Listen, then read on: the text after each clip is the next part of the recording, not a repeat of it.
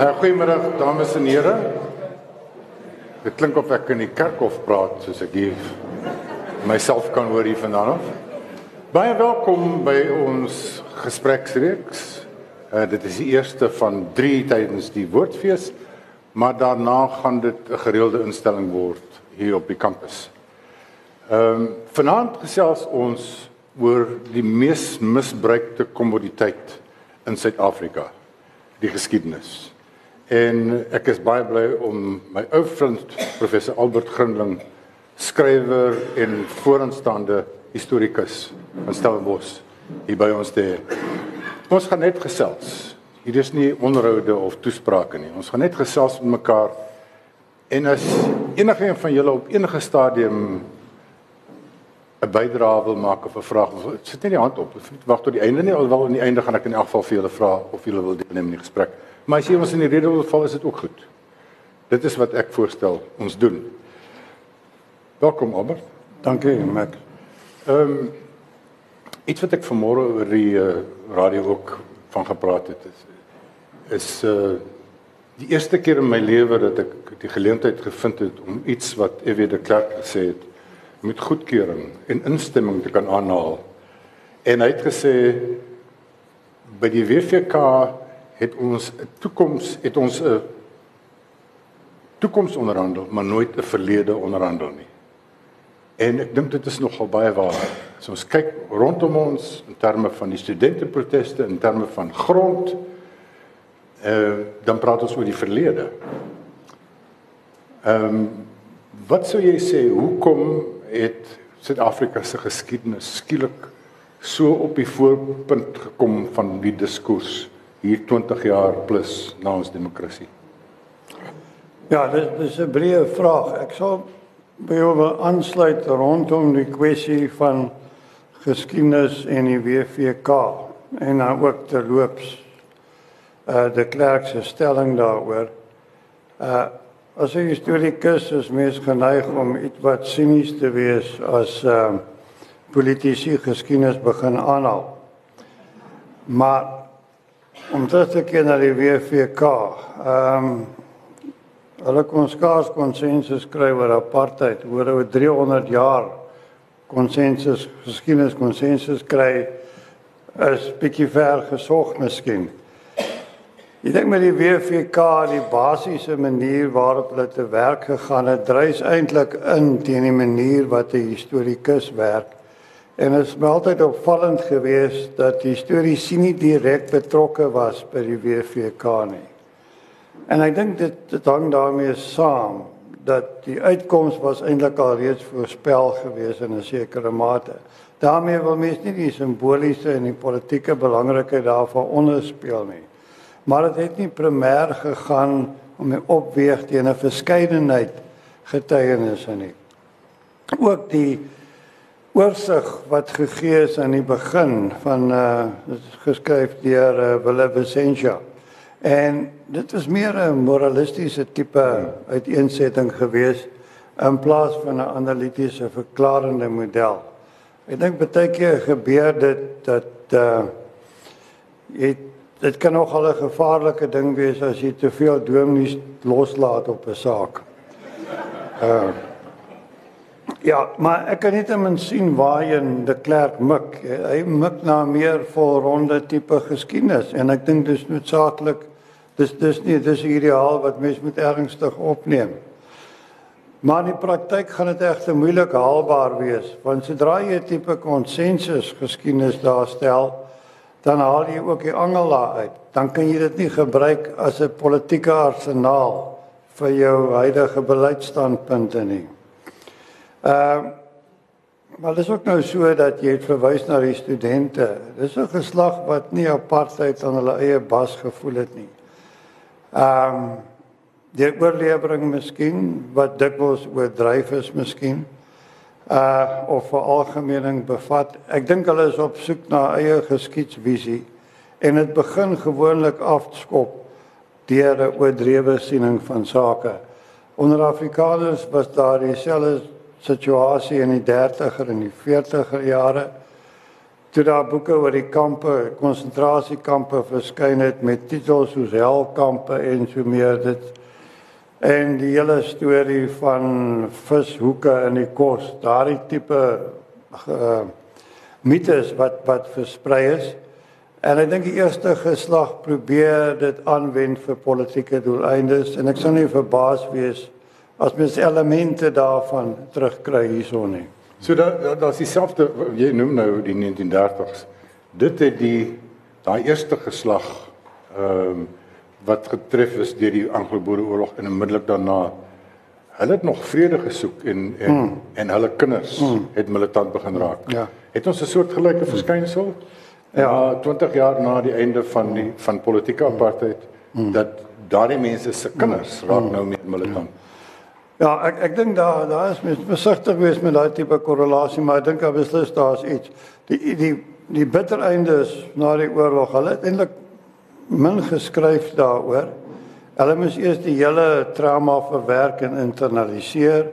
En is eers later jare in 25 toe Afrikaanse amptelike taal geword het dat jy geskryf het op die manier wat jy praat wat die weg geopen het vir meer uh uh, uh onboeseminge in in die verband.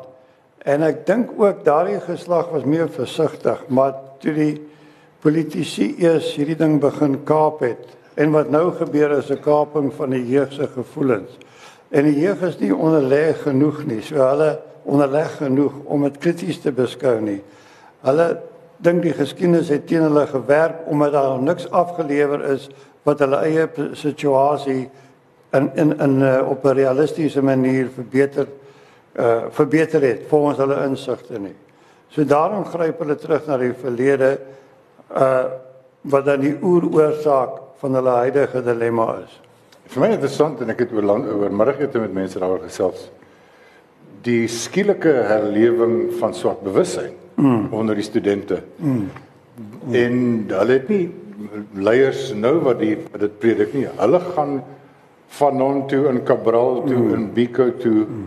Ehm um, wat mm. vir my deels problematies is omdat ons praat van 2016 mm. en ons praat van Suid-Afrika wat tog mm. gans anders is is, is mm. as Algerië en die plekke. Ja, in nie van die sake is uh, van non wat 'n uh, eh, Dit is een van die boeke in die biblioteek wat die meeste uitgeneem word. Ek, ek sien die ander boeke wat ek voorskryf word feitelik laat nie gelees nie. En en sluit in my eie wat miskien. Maar uh uh en en dit en en dit is eintlik 'n toepassing wat nie werklik op Suid-Afrika vandag soos jy sê in 2016 van toepassing behoort te wees meer nie. En dis dis is skrikwekkende dinge dat hulle teruggryp daarna. Nou om aan te sluit by jou vraagstelling daar, kan ons onsself ook vra wat het geword van die ideaal van die rassigheid wat tog in die 1980s hoogtyd gevier het. Was dit slegs 'n politieke voorwendsel? Hoekom het dit so vinnig verdwyn? Hoekom word daar nog net daar word dit lippe dienste aan bewys, maar eintlik is dit is daar baie min mense wat dit werklik meer ideologies probeer ver, verwoord. Ja. Die hele idee van 'n gedeelde geskiedenis. Baie mense praat daarvan. Ek dink ek het dit self al 'n paar keer geoorromantiseer. In daai populêre geskiedenisboeke wat ek geskryf het, het ek gepraat van ek wens so dat 'n swart seun van mm. Kayamandi kan trots wees op mm. Noni, jy weet, in, in Kostellery en 'n mm. en 'n wit kind van Paul Roos kan trots wees op mm. Moses. Mm. Maar dis 'n bietjie pypdrome. Uh, is daar is die konsep van 'n gedeelde ges, sin van 'n gedeelde geskiedenis in Suid-Afrika wenslik en haalbaar? Ja, ek ek dink 'n gedeelde geskiedenis, ek dink dit is dis so ver gesog nie. Dan al baie daarvoor gaan soek. Uh apartheid oor donder wel alles, maar partykeer te veel so.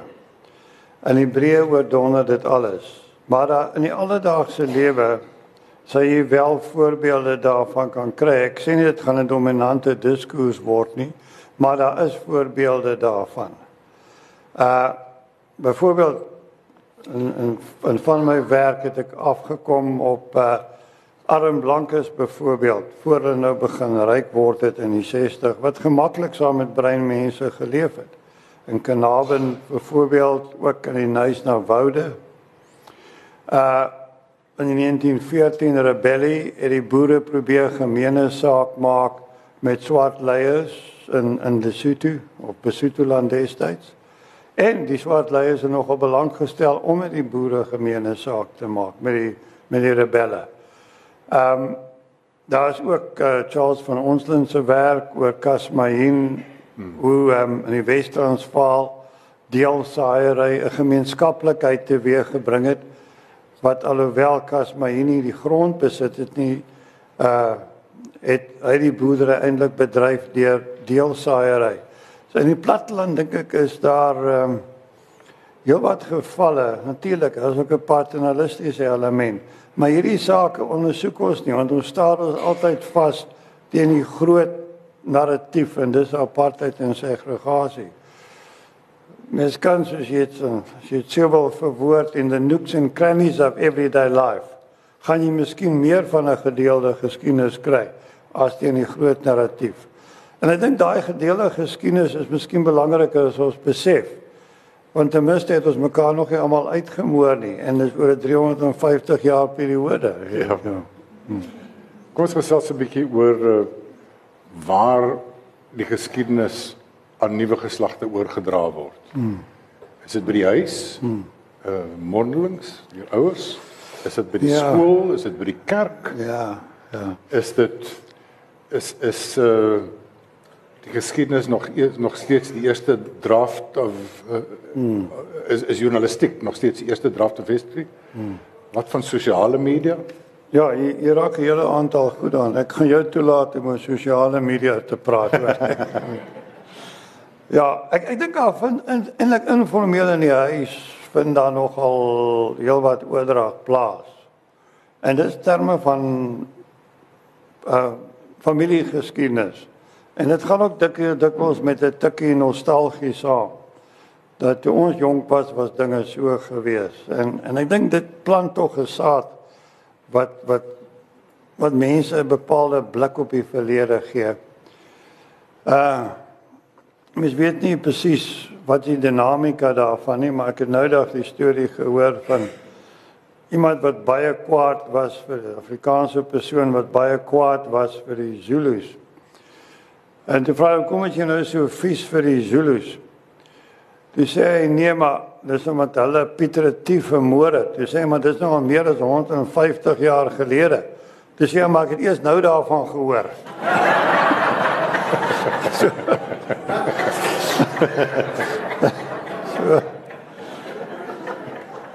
ja, so hierdie hierdie tipe uh, griewe kan kan op 'n snaakse manier uitspeel. En net Ek weet jy het 'n rukkie gelede geskryf in Bosnië hoe lank daardie geskiedenis bly by uh, mense begin uh, hoe lank het hulle geïrriteer het meer as 1000 jaar wat uh, hmm.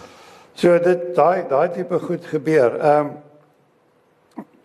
ja, skoolgeskiedenis, ek is nogal versigtig om te wil dink dat skoolgeskiedenis werklik so vormende invloed het. Ehm um, skoolgeskiedenis in blanke skole neem in elk geval of wit skole neem in elk geval baie af. Uh daar is sekere skole wat ek vanoggend gehoor het in die Suid-Kaap wat laat nie geskiedenis aanbied nie.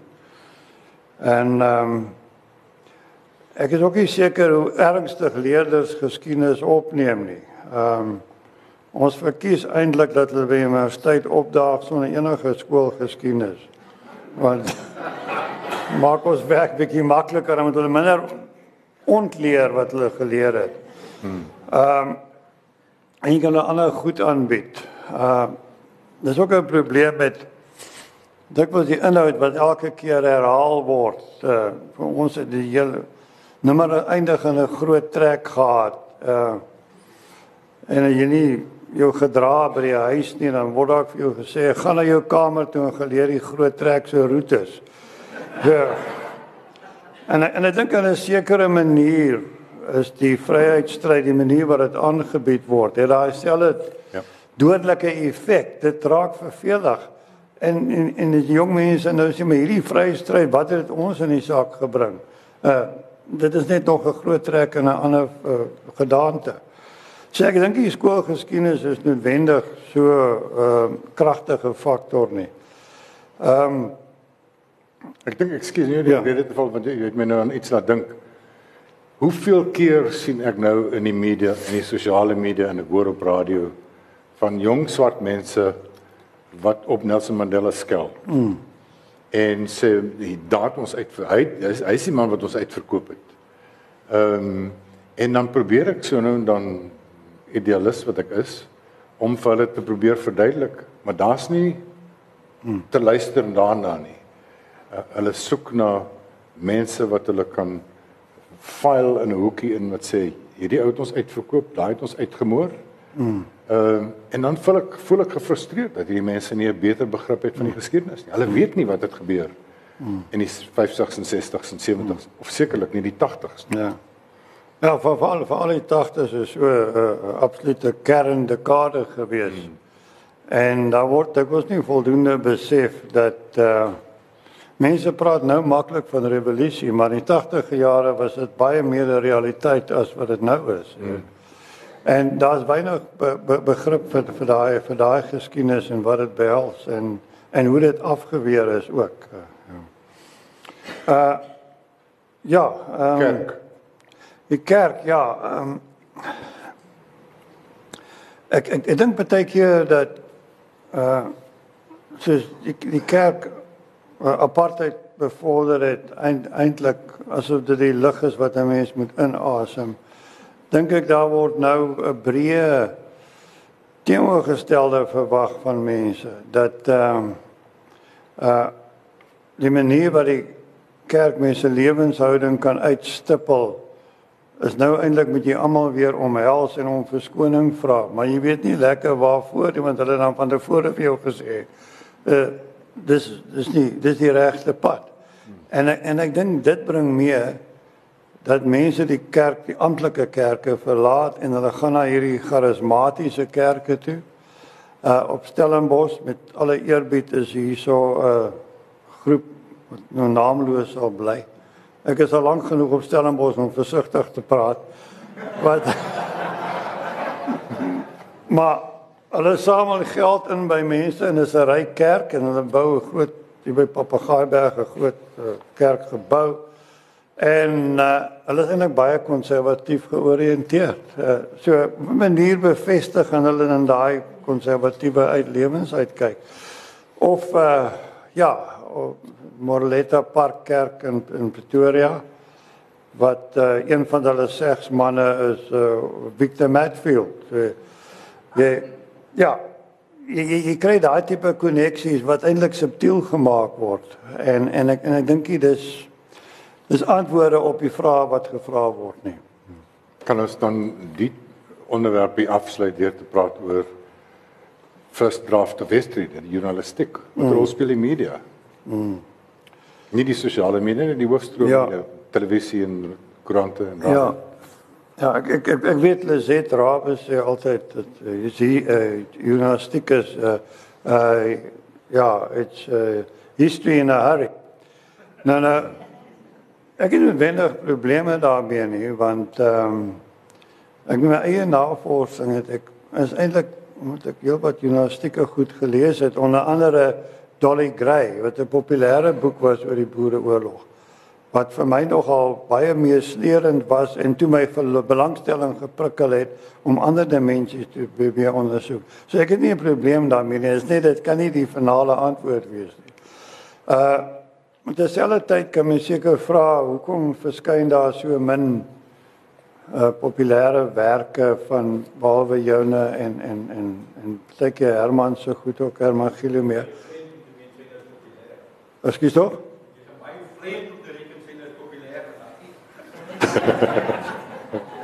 En dan wie dis? Ja.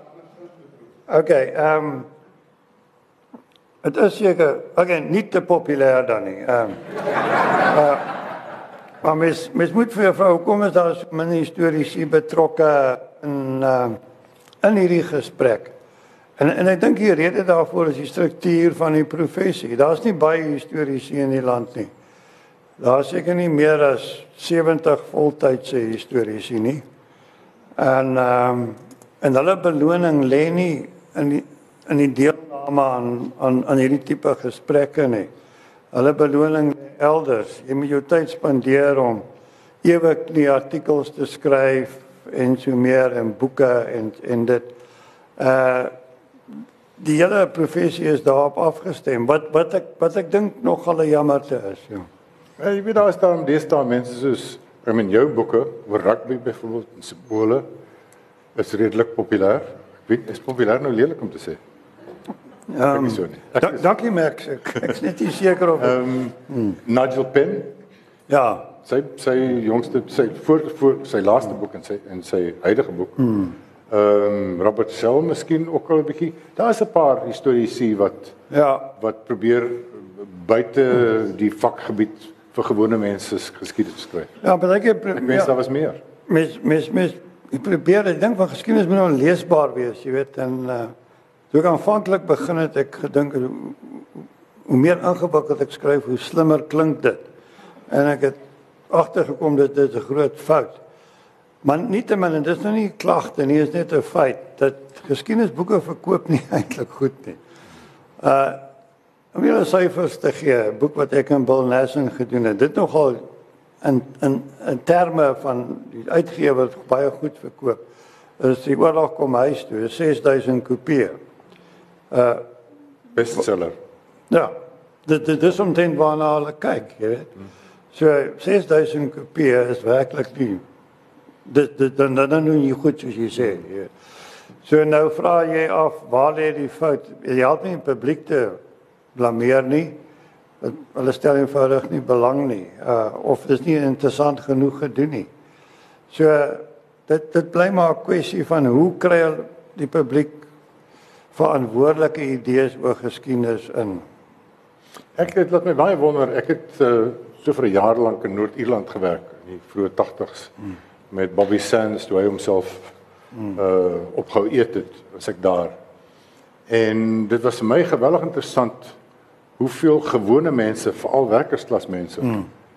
gedetailleerde kennis het van hulle geskiedenis. Ja, veral in Ierland, ja. Ek het gelees oor die goed voor ek daar aangekom het en toe ek daar kom en ek bly by 'n familie in Belfast.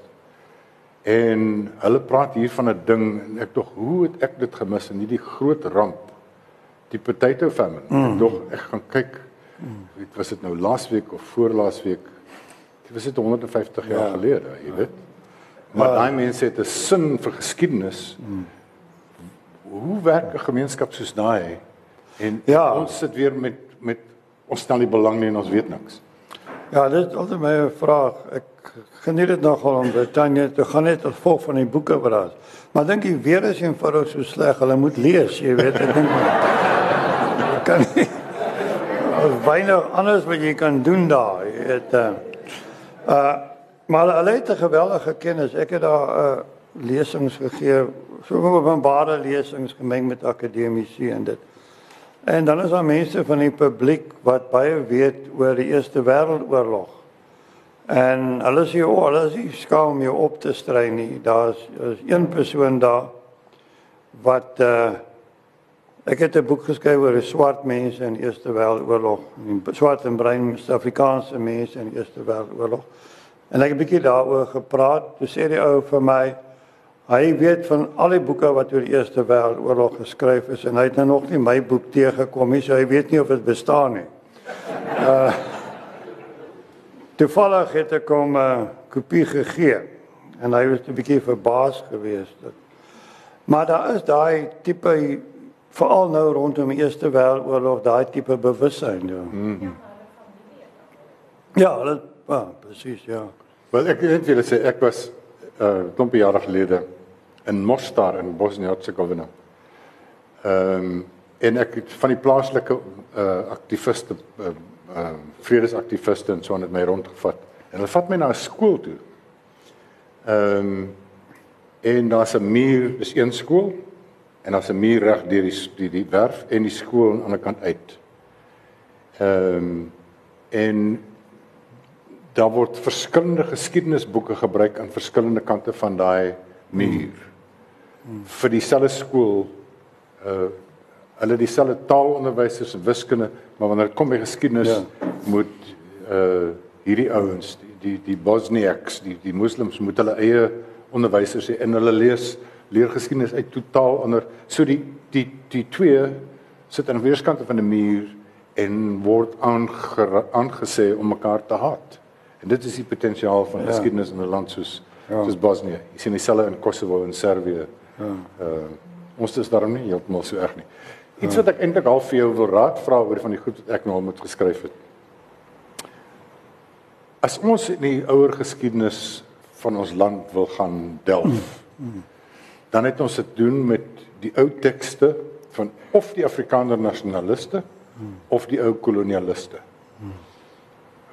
Hoe dekodeer mens dit?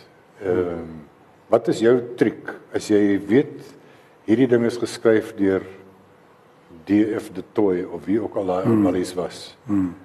Wat se dekodeerbril sit jy op? Hmm. Want jy kan tog nie glo wat hy wat hy geskryf het nie. En selfs vroeër terug, die vroeër die vroeër ehm um, reisigers en ontdekkers wat hier was in die 16de uh, in die 17de eeu. Hoe hoe moet mens daai tekste benader? Ek ek, ek dink die, antwoord daarop is moontlik om dit te sien kennelik as 'n produk van die tyd, maar ook het hoe dit in 'n patroon inpas. En van dikwels van hierdie Afrikaanse tekste afhangende waarmee jy nou kyk, het te doen met die mobilisering van nasionalisme. En jy jy lees dit nie as 'n jy lees dit as 'n element daarvan. En en dit so jy pas dit in 'n groter patroon in wat éventueel jou verduidelik hoe is Afrikaners in die 30 en die 40 jare gemobiliseer. Jy staan jou nie vas teen die inhoud daarvan nie, maar watter groter funksie dit vervul het in 'n in 'n in 'n groter patroon. Hmm. As jy kom byvoorbeeld en ek het 'n gesprek hier buite die deur gehad met iemand vroeër vanmiddag. Ehm um, met die koi koi en die San Bosmans, mm. die Khoisan, daar's 'n herontwaking van 'n mm. van 'n etniese gevoel mm. of 'n nasionalistiese mm. gevoel. Uh en die mense sukkel verskriklik om om die geskiedenis geskryf te kry van die 17de, 16de, 17de, ja. 18de eeu. Ehm um, ja, ek dink wat doen die mense daar met want jy sit met die mense wat geskryf het van hierdie barbaarse hottentotte mm. aan die een kant mm. en aan die ander kant uh mm. sit jy met mense wat nie mm. die geskiedenis self neergeskryf het nie. Waar pas mondelinge geskiedenis in byvoorbeeld? Ek mondelinge geskiedenis kan baie magtige wapen wees. Want dit word nie in die grein geloop nie. Nou, ek weet wat jy nou na verwys hierdie First Nation mense ja. en ek dink hulle het 'n bietjie van 'n probleem want hulle hulle basis waarvan hulle werk gaan te ver terug en en nou is die mense wat meer hierdie First Nation goed onthou nie. Daar's nie 'n kontinuïteit gewees nie. Ja, daar is nie, dis nie, dis nie daar nie. So so hulle gaan altyd 'n gaping hê om om dit te probeer vul. Maar maar net 'n illustrasie van my ander punt van hoe jy goed in 'n patroon inpas. Uh hoe mens dit moontlik in 'n patroon kan inpas. Ek het ondanks weer begin kyk na die 95 wêreldbeker en mense is nou al moeg daarvoor in verskillende forme. Uh maar toe tref dit my weer eens daai foto van Mandela wat daar staan met Pinaar en sy hand omhoog hou na die 95 wêreldbeker. En toe kyk ek na ander visuele projeksies van Mandela. En wat my opvallend daar was is hoe hy uh klere dra gebruik het om 'n politieke standpunt te maak. En dit dit dit dit, dit strek reg terug na die na die klere wat hy die die pakke klere wat hy gedra het toe hy uh, vir die hoogverraadsaak in 1958 ek daar op 'n foto gekom afgekom van hom in sy eerste pak klere die hoogverraadsaak die karos wat hy gedra het in 62 toe aangekla is van ondergrondse bedrywighede toe sy Afrika nasionalis en uh en hoe hy in tronk geweier het om 'n kortbroek te dra 'n kortbroek is vir kinders. Hy het aangedring om 'n langbroek te dra en hy het toegelaat om dit te doen. Uh so hy en en dan natuurlik die bekende Madiba hemde. So hy het klere dra gebruik om homself te projekteer en dit het hy presies gedoen in 95. Skielik verstaan ek 95 in 'n ander konteks. As jy net na daai een foto kyk, dan is dit net dit. Maar as jy 'n patroon sien, dan dan maak dit vir jou baie dit gaan veel dieper en jy het 'n helderder begrip daarvan. Hmm. So ek dink dis net meer 'n vraag te antwoord hoe mens hierdie tekste kan lees. Hmm. Ek wonder of of Connie Mulder iets soortgelyk in gedagte gehad het toe hy met hierdie blink sypak, sybokharks pakke en die grys skoene. Ja. Ja, ja, kyk, ek meen daai ding van van van Boesak ook, jy weet wat ja. uh, en natuurlik nou Julius Malema. Ja. Sy rooi overall. Ja, ja. Ja, dit is is dis 'n begrip van politics of race, ja.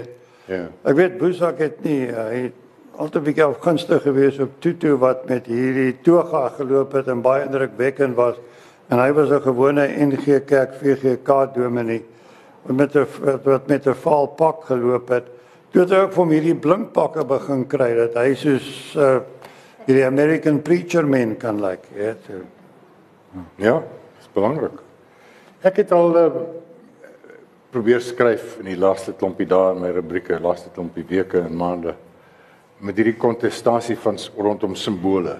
Mm. Ehm um, in ek was laasweek in 'n gesprek met the Rhodes Must Fall. Mm. oor hulle probeer nou vir MT Steyn en vir Paul Creer onder onder andere teken. En ek het net vir hulle geskryf en gesê dis interessant want Paul Creer is my grootoupa grootjie aan die een kant en en MT Steyn is 'n groot groot oom aan die ander kant. Want hulle jy het groot probleme Dis wat ek toevallig sê. Ja. Sê ek wat maak dit van my? Ja. En die een ouetjie het teruggekom en gesê maar miskien moet jy met ons die die MT Steyn verander na S T A I N. Hy's 'n stain on our history. Die hou kan van sê ek sê wat sê dit van my? Ja. Ehm um, So ek probeer soms die ding maak en ek het so half uh die argumente ja. probeer maak. Ons kan as wit Afrikaners kan ek 'n saak uitmaak hoekom ons trots moet wees en ek meen ek is 'n Vrystater. Ehm um, trots moet wees op die boeregeneraals. En miskien Paul Creer en en Koos de la Rey en en en die ou presidente. Hmm. Maar na 1910 raak dit al dunner en dunner en moeiliker. Hmm. Is, is dit 'n legitieme ding om te sê hmm. daar's hierdie hierdie tussentydse periode waar ons boeregeskiedenis is dan mooi jong. Hmm. Maar hier Jan van Riebeeck is nie so lekker nie. Dan word dit lekker, dan word dit weer nie lekker nie. Ja. Ja, ek ek ek dink ek dink mens mens mens kan nie agter boereoorlog sien as die eerste uh uh guerrilla stryd teen die eerste grootskaalse guerrilla teen imperialisme. Um maar om terug te kom na hierdie standbeelde en ek dink daar's baie wanopvattinge van van waar ek staan rondom hierdie standbeelde. En dit is dat mense geskiedenis verwar met erfenis. Hmm. Dat difference between history and heritage. Heritage, ja, erfenis, it's a show business side of history. Geskiedenis is baie meer kompleks as erfenis. Erfenis is iets wat vasgegryp is in tyd op 'n spesifieke stadium om 'n spesifieke idee te verteenwoordig en uit te dra. Dit is gebonde aan daai spesifieke tydsgees toe dit begin ontwikkel het. Uh Jonathan Jansen het nog al 'n goeie punt gemaak. Hy sê al hierdie studente wat hierdie goed wil afbreek, moet eers 'n opstel gaan skryf oor daai mense wie se staan beelde hulle wil afbreek voor hulle nou daar te oorgaan. Want dit gaan vir hulle wys dis baie dis baie meer ingewikkeld. So is hierdie verwarring tussen erfenis en geskiedenis. Geskiedenis it's out there en dis dis dis dis dis nog moeilik om baie keer onder die knie te kry. Erfenis is maklik. Monuments are sitting ducks in hierdie geval. En dis ehm uh, jy moet mens moet seker vra wat lê agter hierdie opstand teen die monumente. Dis 'n dekolonisering, maar wat kom in die plek daarvan? Ons weet nie wat kom in die plek daarvan nie. Afrikaners het nooit monumente afgebreek nie. Hulle het hulle eie partykeer onsensitief in 'n sekere manier, maar het hulle eie monumente opgerig. het onlangs 'n artikel gedoen saam met 'n kollega van my oor die 47 koningsbesoeke in Suid-Afrika wat nogal omstrede besoek was. Maar daar is nooit ehm um, ooit daaraan gedink om die koning met klippe te gooi of uh om te embarrasseer nie. Daar was net 'n gevoel ons hou nie daarvan nie, maar ons gaan dit of boikot en party mense het nie geboikot nie. Maar ons gaan nie 'n spektakel maak van die koning se besoek nie. Daar was 'n tipe waardigheid daar rondom. Is dit 'n kalvinistiese ding? Ek dink dit mag westig wees, ja. Ja, ek dink dit kan wees. Ons is te uptight om die dollar in te wees. ja. Ja, of dentlike mense tree nie so op nie. Ja. ja. Baie dankie dat Baie dankie dames en here.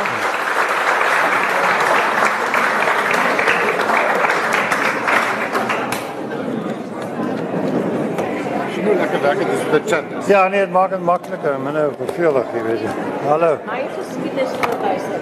Want dit gee jy van die weet wie se. Ah. Sê persoon. Dis ek was nie dis nie. Ja, hulle sê dit Sekere ou stories. ja, dit is nogal ja, nee. Ja, my dankie. ja. Dit is nou maar. Hallo.